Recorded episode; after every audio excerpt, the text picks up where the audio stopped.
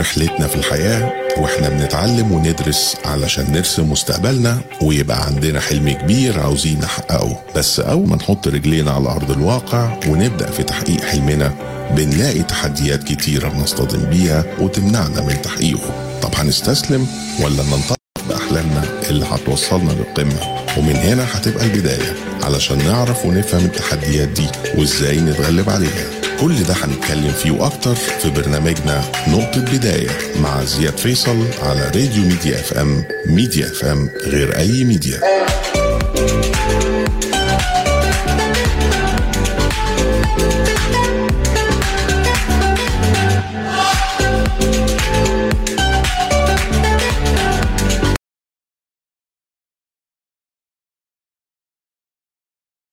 راديو ميديا اف ام في كل مكان أهلا وسهلا بيكم وحلقة جديدة وبرنامجكم نقطة بداية. بدأنا من الحلقة اللي فاتت نتكلم عن استثمار عمرنا. إزاي نحافظ عليه وننميه. أطفالنا. أطفالنا محتاجين حاجات كتيرة قوي إن إحنا نعملها وإحنا كآباء وأمهات دايما حريصين جدا إن نبذل أقصى جهدنا عشان نقدر نوفر الحاجات دي لأطفالنا وأولادنا. بس خليني أقول يعني بسبب قلة الخبرة أحيانا ضغوط الحياة كتيرة جدا على الأب والأم وممكن بعض النصايح اللي هي تكون مش في محلها في وقت آخر بتخلينا إن إحنا ما نوفرش الحاجات دي بالطريقة السليمة ونتبع ببعض الأساليب الخاطئة في التربية معاهم. وكنا بنتكلم في الحلقة اللي فاتت على الأساليب السلبية اللي كنا ممكن بنمارسها في التربية وإزاي إن إحنا يعني نبطل إن إحنا نعملها ونقلع عنها وفي نفس الوقت نستبدلها بالأساليب الصحيحة ما دام إحنا حريصين جدا إن إحنا عاوزين نخلي أطفالنا يطلعوا أسوياء بعد كده. طبعا خلينا نتكلم بصراحة إن يعني اتباع الأساليب السليمة محتاجة مصابرة شديدة مننا وتكرار وما نملش وخاصة إن الأطفال بيبقوا ضد أي تقييد أو أي حاجة هيحسوا إن هي مقيدة اللي هم عاوزين يعملوه بالفطرة. فبتبقى محتاجة مجهود كبير جدا. بس هنعمل إيه؟ يعني أنا مش عاوز أقول شر ولا بد منه ولكن مغرمين. إحنا لازم هنعمل الكلام ده كله طالما إحنا عاوزين نوصل فعلا لنتيجة كويسة. وعلى رأي المثل ما بيقول التعليم في الصغر كان نقش على الحجر. يعني في محتاجين إن إحنا نبذل مجهود كبير وفي نفس الوقت هنحصل على نتيجة وهتبقى مستمرة بعد كده. وإلا البديل نستنى لغاية لما الأطفال دول ما يكبروا وبقى يتم الإدراك بتاعهم بصورة كاملة ونقول لهم ساعتها إيه الصح وإيه الغلط وإيه اللي يعملوه إيه اللي ما يعملوهوش. بس يعني أشك إن هم بعد كده يقدروا يتجاوبوا الموضوع ده ونسبة التغيير يعني مش عاوز أنا أبشركم أقول لكم هتبقى صفر في المية تقريبا. لو حد كبير ومحتاج أنت تغير من طباعه وسلوكه وأخلاقه بعد كده. ويعني معروف جدا بنقول إن من شاب على شيء شاب عليه. طيب الكلام ده كله كلام جميل وحلو. لو بنتكلم إن الأطفال دول حياتهم هي نطاق الأسرة أو العائلة لكن الحقيقة مش كده. إن الأطفال دول هيكبروا وهيبقوا جزء من الحياة الكبيره والمجتمع. يا ترى إيه اللي هيتعلموه من المجتمع؟ وهيشوفوا إيه الحاجات اللي هيحتكوا بيها ويتعلموها ويمارسوها وإيه اللي هيبقى كويس وإيه اللي هيبقى وحش ودورنا كمان هيبقى إيه؟ ده اللي هنتكلم فيه في حلقتنا النهارده. وهنتظر اتصالاتكم ومشاركاتكم عشان خاطر نعرف الموضوع ده وايه برضو كمان وجهة نظركم في القصة اللي هنتكلم فيها النهاردة على صفحتنا راديو ميديا اف ام على الفيسبوك أو على الرقم اللي هيبقى ظاهر على الشاشة. هنطلع فاصل صغير ونرجع تاني. خليكم معنا. من بعد ما قلبنا دق تلات دقات ومن بعد ما شرفتونا وخدنا أجازة دي أحلى وقات مين كان يتخيل كل ده يحصل يوم. والفرحة هتكمل سنة ورا سنة مع بعض ومهما يكون. وسقفة سقفة سقفة نستاهل بوسة آه وسقفة مين قال التالتة تبقى تالتة لسه أحلى سنين قدام وسقفة سقفة سقفة واقفين مع بعض أحلى وقفة والدنيا علينا شاهدة شايفة حلمنا تحول أفلام وسقفة سقفة سقفة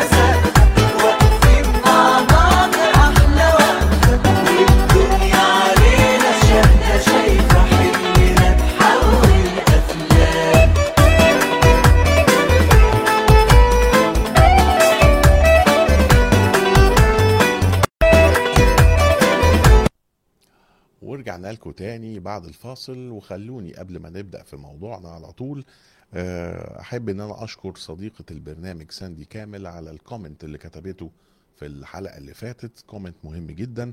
كانت بتقول فيه إن هنا هناك موسيقى مبتكرة وفريدة تسمى الموسيقى النفسية الواقعية. وبعتت ال link لصفحة آه، المعالج النفسي دكتور خالد سلام. أكيد موضوع زي ده محتاجين إن إحنا نبحث فيه ونشوفه إن أكيد هيبقى له مرجوع وفايدة مهمة جدا لينا. شكرا جدا يا ساندي على الكومنت ده. نرجع تاني لموضوعنا ونشوف إيه فعلا القصة اللي عاوزين نتكلم فيها النهارده. هنلاقي إن المرحلة الأولى اللي فعلا الطفل بيبتدي بيواجه فيها المجتمع والحياة الخارجية هي أول حاجة مرحلة رياض الأطفال أو الحضانة. وهنا هيبقى التركيز عندنا كبير قوي في النقطة دي إن للأسف في ناس كتيرة عندها مفهوم خاطئ عن الموضوع الحضانة أو رياض الأطفال. زي في بعض الناس بتبقى شايفة إن الحضانة هي بتقوم بكل الأدوار بمجرد إن أنا خلاص الأب أو الأم آه، ودت لهم الطفل بتاعي فهم بيقولوا بيقوموا بكل الأعمال الأساسية والحاجات الطلبات اللي بيحتاجها الطفل وال- والترفيهية والتعليمية وكل حاجة. المشكلة هنا إن الأب والأم بيشيلوا إيدهم من الموضوع وبس وبس إن هم بيلبوا الطلبات اللي هي الأساسية أو الاحتياجات الأساسية للطفل. وبيبقوا شايفين إن الحضانة دي مرحلة تمهيدية للمدرسة. في ناس تانية بتبقى شايفة لأ إحنا بسبب غصب عننا ضغوط الحياة الأب والأم والمسؤوليات اللي ورانا والكلام ده كله فمش قادرين إن إحنا نوفر الوقت الكافي اللي بقى محتاجه الطفل فبالتالي بنلجأ للحضانة ك يعني حد بديل للفترة دي وبقى دور الحضانة إن هي بتلبي الحاجات ال- الأساسية للطفل فقط زائد دور ترفيهي لكن الحقيقة إن الحضانة غير كده خالص. لأن الحضانة دورها الأساسي هو دور تربوي وتعليمي وتنمية المهارات الاجتماعية والسلوكية بالنسبة للطفل. فيعتبر الدور بتاعها دور أساسي مش اللي هو دور آه، تكميلي أو مهمش أو كده. وفي نفس الوقت إن إحنا بنتكلم على إن الحضانة من أكبر الأدوار وأهم الأدوار اللي عندها في القصة دي هو دور الفطام للطفل. وهنا مش بقصد الفطام للطفل عن الرضاعة وإن يبدأ مرحلة الأكل والشرب لا. إحنا بنتكلم فطام الطفل من إن هو شايف إن الحياة بتاعته كلها هي في نطاق الأسرة وحدودها الأسرة أو ممكن يكون المجتمع ال- أنا آسف ممكن يكون ال- العائلة. إلى إن هي الحياة بتاعته خلاص بيعلن عن وجوده للحياة الكبيرة والمجتمع اللي هو هيكون جزء منه بعد كده. وهيبقى على مراحل عمره المتفاوت أو المتغيرة هيبقى له دور كبير أو أدوار كبيرة وكتيرة متنوعة على مدار حياته هيقوم بيها وهو في المجتمع. المشكلة هنا إن الفطام مش للطفل بس الفطام هنا للأم. آه أنا بقصد فعلا كده إن الفطام للأم. من ناحية إيه؟ الأم طبعا يعني زي ما إحنا عارفين العاطفة بتاعتها وغريزة الأمومة وبالذات لو ده الطفل الأول بيبقى عندها قلق ورعب وخوف وإزاي وأنا الطفل بتاعي وأسيبه يبقى في الحضانة ومبقاش قدام عيني ومبقاش مطمن عليه وهو مش هيقدر يعبر عن عن نفسه أو لو عاوز حاجة وهيبقى زعلان وأنا مش مطمنة. كل القصة دي. الكارثة الكبرى إن الكلام ده وهي بتتكلم فيه مع الناس القريبين ليها ممكن بيبقى الطفل قدامها فهو بيحس وبيشوف القصة دي هو كمان وبقى عنده الإحساس بالخوف والقلق إن إزاي هبقى في مكان ووالدي ووالدتي مش هيكونوا موجودين وبترمي زي ما بيقولوا بالبلدي من الدار للنار.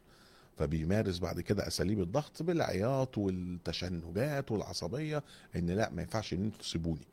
وساعتها بنلوم الحضانة بعد كده أو رياض الأطفال ونقول إنتوا اللي مش عارفين تحتووا الطفل كويس. ومش عارفين تتعاملوا معاه وبتجيبوا له بعد كده ممكن تبقى أمراض نفسية أو عصبية ولا حاجة. فاهم حاجة إن إحنا لازم نبقى عندنا الإحساس بالثقة والأمان والقوة اللي المفروض بعد كده هنصدرها للطفل بتاعنا إن فاقد الشيء لا يعطيه. والكلام ده كله مش هيجي من فراغ. لازم لما بنختار الحضانة اللي هيبقى الطفل هيلتحق بيها لازم نتأكد من حاجات كتيرة إن تكون الحضانة دي موفراها عشان يبقى عندنا فعلا الاطمئنان والثقة على دور الحضانة إن هو هيتقام أو هيقوموا بيه على أكمل وجه. زي من ضمن الحاجات لازم إن إحنا نشوف التربية النفسية عندهم مستواها إيه وبيمارسوها إزاي وبيشتغلوا فيها إزاي. عندهم كمان التربية العملية أو العلمية والأكاديمية. برضو المستوى بتاعها ماشي إزاي. تنمية المهارات المختلفة. زي السلوكية والحركية والاجتماعية وحاجات كتير قوي برضو بي- بيعملوها إزاي. دي من ضمن الحاجات المهمة وساعات ناس ممكن ما تاخدش بالها ولا إن هي بتركز إن تسأل فيها وتهتم بالجزء اللي هو الأكاديمي أو التعليمي فقط. لأ دي من النقط المهمة.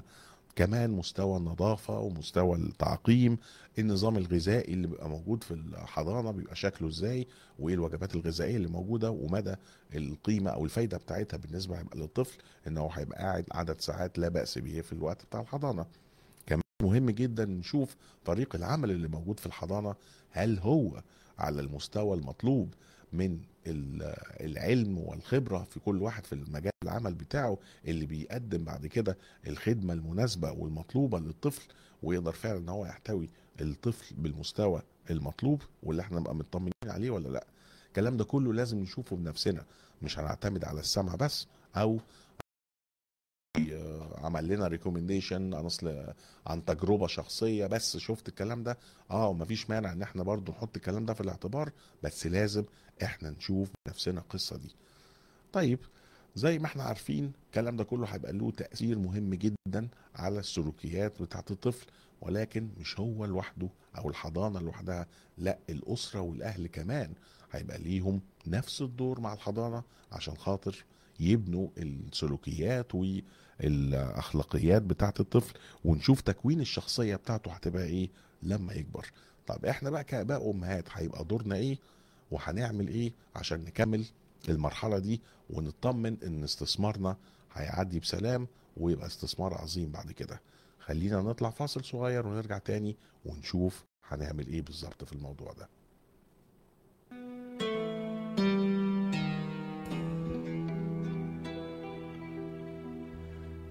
زمان زمان وأنا صغير. كنت بحلم أبقى كبير أبقى كبير. تعب القلب وتحير من الدنيا ومن المشاوير. زمان زمان وأنا صغير. كنت بحلم أبقى كبير أبقى كبير. تعب القلب وتحير من الدنيا ومن المشاوير. والحلم كان بريء مفروش بالورود.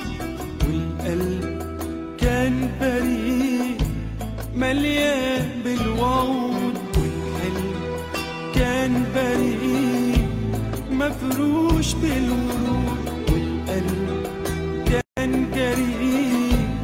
مليان بالوعود ولما كبرت قلت يا ريت ما كنت حلمت ولا تمنيت لما كبرت قلت يا ريت ما كنت حلمت ولا تمنيت وقلت يا ريتني فضلت صغير زي زمان زمان.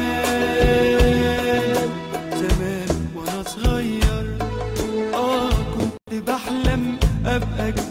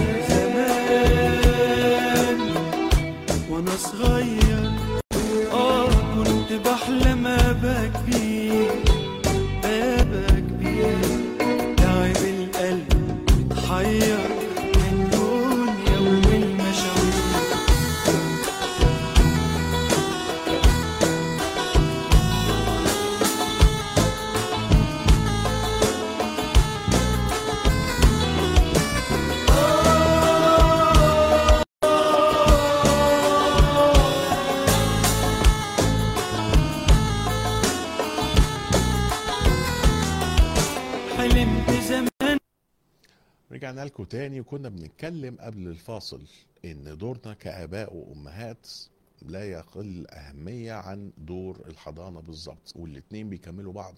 فلازم حتى يعني لما نيجي بنعمل حاجة ونتبع أسلوب معين في التربية أو في التقويم والكلام ده كله بنبقى ماشيين زي ما بيقولوا parallel مع بعض إحنا والحضانة. عشان كده كنا بنقول اختيار الحضانة من أهم الحاجات اللي محتاجين ناخد فيها وقت كويس ونبحث فيها كويس جدا. طب إحنا بقى دورنا كآباء وأمهات هنعمل إيه؟ طبعا أول حاجة زي ما كنا لسه بنتكلم إن لازم ندي للطفل الإحساس بالثقة والأمن والأمان والقوة والكلام ده مش هنقدر نديهوله زي ما بنتكلم على الأم من شوية إلا لما يكون موجود عندنا أصلا. فده مهم جدا إن يكون عندنا ونبتدي نبثه في الطفل ويبقى موجود بشكل مهم جدا على أساس يقدر يكمل ويواجه المجتمع الجديد المختلف بالمشاكل الجديدة اللي هتظهر والالتزامات الجديدة والقواعد الجديدة وكل حاجة قدامه مختلفة عن اللي كان متعود عليها قبل كده في حدود أسرته وفي حدود العائلة اللي هو كان موجود فيها.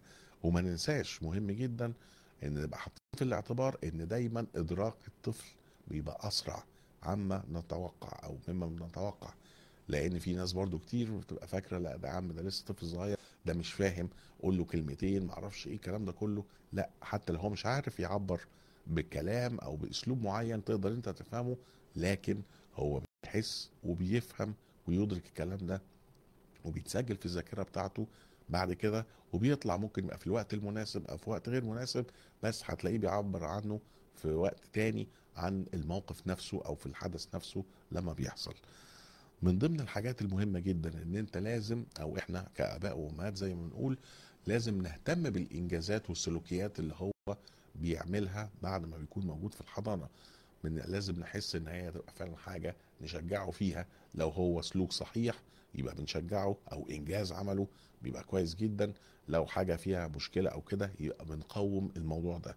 وعمرنا ما نشوف الإنجازات دي ممكن تبقى حاجة صغيرة أو لا قيمة لها أو بتقلل من قيمتها بالعكس خليكم دايما فاكرين إحنا كمان كناس كبيرة على المستوى المشاريع العملاقة اللي بتحصل والأفكار والتكنولوجي اللي بتبقى موجودة بتيجي الحاجة الكبيرة دي من تفكير لحاجة صغيرة ومن موقف صغير أو من فكرة صغيرة. فما يعني نستغربش من إنجاز يكون هو عمله صغير ولكن ده ممكن يكون نواة لحد بيفكر ويقدر إن هو ينتج حاجات جديدة بعد كده. معانا اتصال تليفوني؟ ألو؟ أيوه مساء الخير. مساء النور. أتعرف بحضرتك؟ خالد محمود. أهلا وسهلا أستاذ خالد ازي حضرتك. أهلا بيك. آه يا ترى متابعنا النهارده من أول الحلقة؟ آه تمام. طيب كويس جدا. تحب تشاركنا بإيه النهارده في موضوع الحلقة؟ آه أيوه أستاذ خالد معايا؟ مع حضرتك آه. آه اتفضل. ماشي يا فندم. ممكن بس لو بتشوف على ال- التابلت أو حاجة عشان بس في delay من البث فممكن تكلمني من آه التليفون طول واخد بالي ما أنا بعدته عني آه. آه okay okay. مع حضرتك. آه، أستاذ زياد معايا؟ أيوه أيوه مع حضرتك. اتفضل. معاك آه، مهندس خالد. أهلا بيك أهلا بيك. آه، آه، البرنامج على فكرة بتاعك ده حاجة كويسة جدا بالنسبة للتعليم والفهم حاجات الأطفال.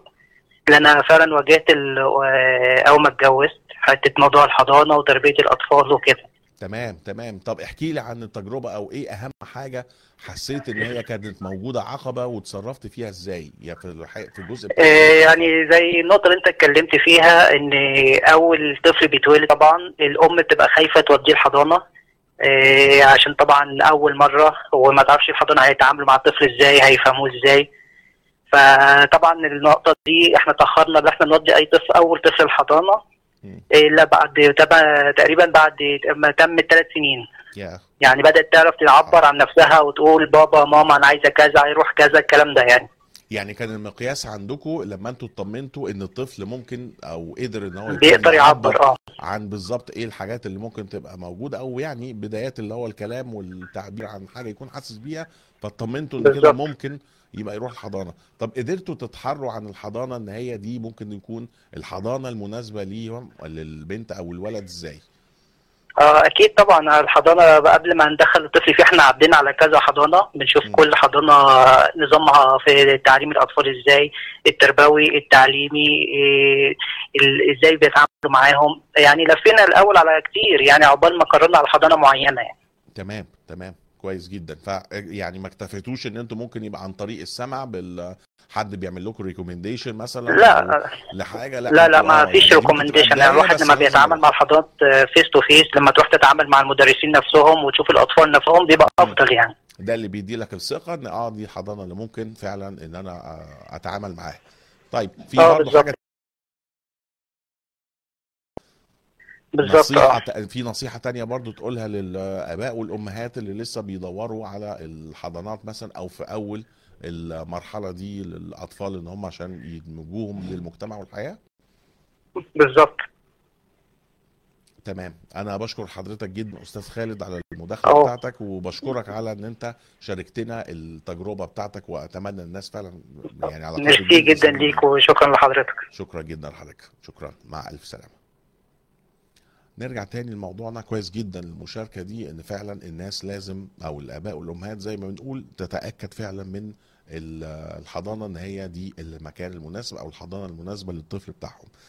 آه، تكملة اللي كنا بنتكلم فيه برضو من ضمن الحاجات زي ما بنقول لازم بنشجع الطفل إن هو بيتكلم وبيقول ويعبر عن اللي بيشوفه والحاجات اللي تبقى موجودة وعن المشاكل كان اللي ممكن يكون بيواجهها هناك مع الأطفال. لأن طبعا شكل المشاكل بيبقى شكله مختلف عن لما كان موجود في الأسرة. آه، الأطفال نفس عندهم نفس الاحتياج يشبطوا في نفس الحاجة. ممكن في بعض الأوقات إحنا لو في البيت آه هنوفر له الكلام ده فمش هيقابل القصة دي. إزاي؟ هيتعامل مع الموضوع ده. وهو تصرفه إيه؟ فمهم جدا لما هو يكون في مشكلة اعرف منه إيه المشكلة اللي اتعملت وتصرفه هو كان إزاي. ما تجريش على طول إن إحنا ندي الحلول للأطفال وهم ما يفكروش أو إن هم آه، ما نعرفش إيه اللي في دماغهم. آه هنساعدهم بس نعرف الأول أنت تخيلت الموضوع إزاي أو إيه اللي حركك وشفت الموضوع ده إزاي وقدرت إن أنت تعمل التصرف ده بناء على حاجة أنت محتاجها أو أنت عاوزها ونقوي بعد كده لو كان السلوك خاطئ. كمان مهم جدا ما نستهونش بالقصص أو الحكايات اللي هم ممكن بيتخيلوها أو بيتكلموا فيها إن دي ليها نقطتين مهمين جدا جدا جدا نستفيد منها. أول حاجة أنت تقدر تعرف الصورة أو القصة اللي هو بيقولها دي كان مصدرها إيه؟ فتعرف هو اللي بيجذب انتباهه إيه؟ هل كان تلفزيون؟ هل يوتيوب؟ هل شاف حاجة من أصحابه؟ أو الناس اللي كانوا من الأطفال الموجودين في الحضانة؟ حد من العيلة؟ فتعرف إيه اللي بيشد انتباهه؟ ومصدر المعلومات اللي بتخش له دي جاية له من إيه؟ فدي نقطة مهمة جدا. تاني حاجة أطفال كتيرة جدا هتلاقي استجابها أو استجابتها للمعلومة اللي أنت تبقى عاوز تقولها غير ان انت هتقولها له دايركت وتقول له هو ده الصح هو ده الغلط مش هتلاقيه بيستجيب إلا لو انت مثلا في قصة هو بيحكيها وانت شاركته في القصة دي وقدرت بتديله المعلومة اللي هو عاوزها جوه القصة اللي هو بيقولها. هتلاقيه إن هو أدركها بطريقة أحسن وأثرت فيه إن حاسس هو اللي جاب المعلومة مش إن المعلومة هي اللي كانت مفروض عليه. برضو من ضمن الحاجات ما نكدبش على الأطفال ونعاملهم كأنه كأنهم كيان موجود له واجبات أو يعني عليه واجبات والتزامات وله حقوق يعرف إيه الالتزامات اللي عليه ويعملها وإيه الحقوق اللي يتمسك بيها ويعبر عنها إزاي وما يفرطش فيها. طبعا على المستوى بتاعه ولكن لازم يبتدي يتعود على الموضوع ده جزء بجزء. حاجة بقى من المشاكل الكبيرة جدا اللي بنقع فيها حتة إن إحنا لو طفل عمل حاجة غلط بنهينه أو بنعنفه وبالذات المصيبة تبقى أكبر لو قدام حد غريب. ما تستهنش إن الطفل تيجي تقول لأ هو ده عنده شخصية ده لسه عيل صغير ولا حاجة. لا الكلام ده فعلا بيأثر في الشخصية بتاعته وهو صغير. حتى لو ما عرفش إن هو يعبر عن الموضوع ده. لا مهم جدا إن أنت تاخده على جنب بعد كده وتكلمه وتفهمه الموضوع هيبقى ماشي إزاي والموقف ده كان غلط والصح بتاعه كذا. وبأسلوب هو فعلا يقدر إن هو يدركه مش إن أنت بتعنفه أو بتستغل اسلوب بقى في بزعيق أو بعصبية زي ما قلنا الأساليب السلبية والخاطئة اللي كانت موجودة. وما نعملش العكس اللي هو يجي يقول لي أنا في حد ضربني كان في المدرسة ولا سوري في الحضانة وده كان بيشد شعري وما أعرفش إيه نيجي إحنا بقى إيه زي ما بنشوف في الأفلام لا يا عم أنت تخش تقطعه أنت تشقه نصين ما أعرفش مش كده. إحنا كده بنحول المجتمع بتاعنا لغابة. وبعدين بنيجي نستغرب ونقول الابن اللي ضرب آه، مامته ولا سرق فلوس من أخته ولا موت أبوه ولا ولا وكل القصص دي. ما هي دي كان الأساس. إحنا اللي عملنا الكلام ده عشان ربناهم غلط.